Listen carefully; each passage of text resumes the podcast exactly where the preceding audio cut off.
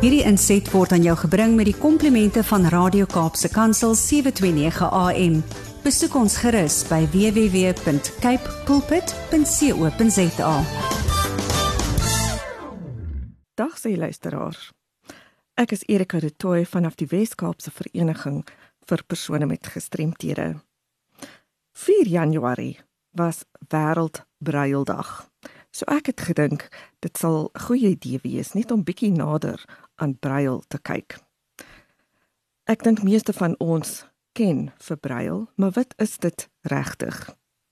Brail is 'n stelsel van raaklees en skryf vir blinde persone waarin verhewe kolletjies die letters van die alfabet voorstel.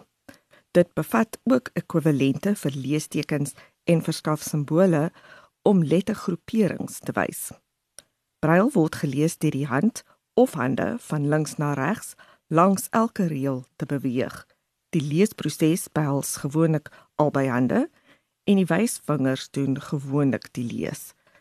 Die gemiddelde leespoed is ongeveer 125 woorde per minuut, maar grootte spoed van tot 200 woorde is moontlik. Deur die brail alfabet te gebruik, kan mense wat blind is die geskrewe woord hersien en bestudeer. Hulle kan ook bewus word van verskillende aspekte soos spelling, leestekens, paragrafering en voetnote. Die belangrikste is dat brail vir blinde individue toegang gee tot 'n wye verskeidenheid leesmateriaal, insluitend ontspannings- en opvoedkundige lees, finansiële state en selfs restaurant spyskaarte. Ewe belangrik is kontrakte, regulasies, versekeringspolisse, gidse en kookboeke wat alles deel is van die daaglikse volwasse lewe. Deur Braille kan mense wat blind is ook stokperdjies en kulturele verryking nastreef met materiaal soos gesangboeke, speelkaarte en bordspeletjies. Verskeie ander metodes is deur die jare aangewend om lees vir blindes moontlik te maak. Baie van hulle was egte verhoogde weergawe van gedrukte briewe. Dit word algemeen aanvaar dat die brailstelsel geslaag het omdat dit gebaseer is op 'n rasionele volgorde van tekens wat vir die vingerpunte uitgedink is, eerder as om tekens na te boots wat vir die oë ontwerp is. Die geskiedenis van brail gaan al die pad terug na die vroeë 1800s. 'n Man met die naam Charles Barbier, wat in Napoleon se Franse weermag gedien het, het 'n unieke stelsel ontwikkel wat bekend staan as nagskrif, sodat soldate veilig gedurende die nag sonder 'n lig kon kommunikeer. Hierdie stelsel was gebaseer op 'n verhoogde 12-kol sel, twee kolletjies breed en 6 kolletjies hoog.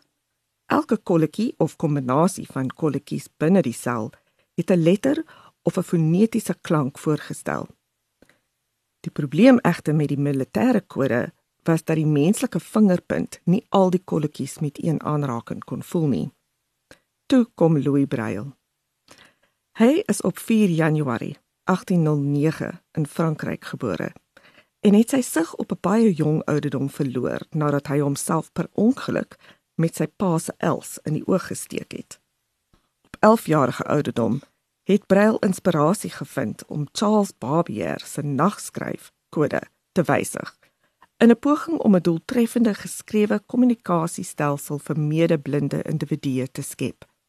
Hy het die grootste deel van die volgende 9 jaar spandeer om die stelsel van verhoogde kolletjies wat dan onder sy naam Braille bekend geword het, te ontwikkel en te verfyn. Na al Louis Braille se werk is die kode nou gebaseer op selle met slegs 6 kolletjies.